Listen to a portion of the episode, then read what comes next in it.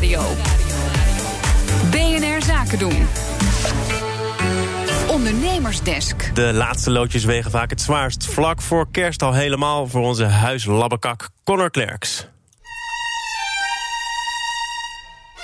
De laatste dagen voor de kerst zijn een slagveld in de kantoorwereld. Je krijgt werkelijk niemand meer te pakken. En iedereen en zijn moeder heeft een overvolle agenda om toch nog even die laatste dingen af te maken voor de feestdagen. Zodat je 2020 lekker kan beginnen met een schone lei. Maar ja, waarom liggen al die klusjes er eigenlijk nog? En hoe zorg je nou dat je ze niet weer uitstelt en je 2020 alsnog met een berg stomme taken moet starten? Nou, waarschijnlijk als je nu nog de laatste logisch weg moet werken, dan uh, zo vlak voor het weekend, dan ben je eigenlijk al te laat. Michiel van Vught, schrijver van Net iets slimmer, een spreker over gedrag. Uh, ik denk dat je dat dan moet accepteren, maar je moet natuurlijk een nieuwe strategie verzinnen voor het komende jaar of de komende doelstelling die je hebt. En, en ik, misschien ook wel wat ook wel belangrijk is om te weten dat 95% van de mensen stelt dingen uit. Dus je zit in goed gezelschap. Dus soms is een stukje relativering daarin ook wel belangrijk voor jezelf. Maar je kunt het veranderen. Je kunt absoluut strategieën bedenken waardoor je eh, minder uitstelt en je aan het einde van het jaar tijd over hebt in plaats van dat je nog allemaal snel dingen moet regelen. Komen we zo bij. Waar komt uitstelgedrag eigenlijk vandaan? Ja, veel heeft het te maken. Het zijn eigenlijk twee dingen die ik eh, daarin vaak zie. Is dat of het is gewoon niet leuk. Dus je vindt het te saai en eh, je vindt het te lastig om te beginnen. Je kunt niet precies overzien waar je mee bezig bent en wat het eindresultaat is. Dus dat is te groot of niet aantrekkelijk genoeg. Of het ligt dusdanig in de toekomst dat je de gevolgen niet echt kunt overzien als je het uitstelt. En Mhm. stel je het dus maar uit. Terug naar die strategie. Dus de belangrijke strategie die ik zelf vaak volg en aanbeveel is maak dingen in hele kleine stapjes.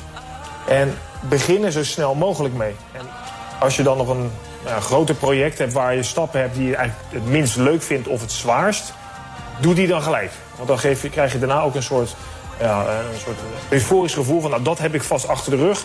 Nu wordt het alleen maar makkelijker. En wat zou je nog meer kunnen doen?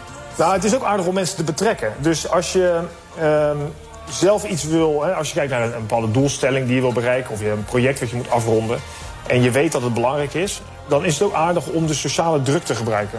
We zijn tenslotte allemaal groepsdieren, we leven in kuddes. Nou, dat, dat hele verhaal ken je wel, hè, hoe we bewegen in groepen en massa's, denk ik.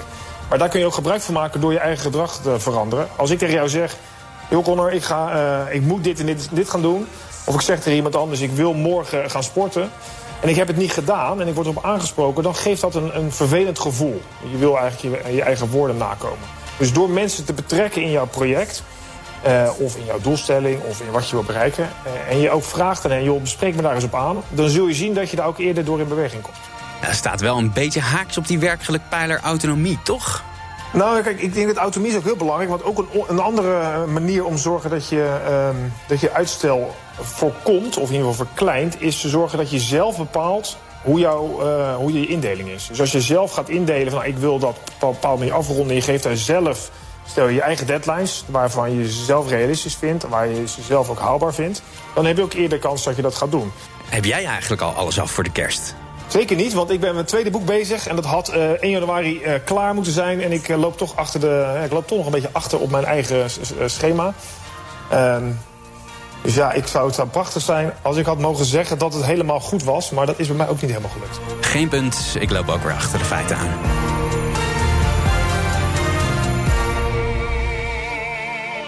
Ja, ik denk toch maar zoveel mogelijk laten horen. Een bijdrage van Connor Klerks. Wil je nou meer horen uit de Ondernemersdesk? Je vindt alle afleveringen terug als podcast via onze site of de BNR-app.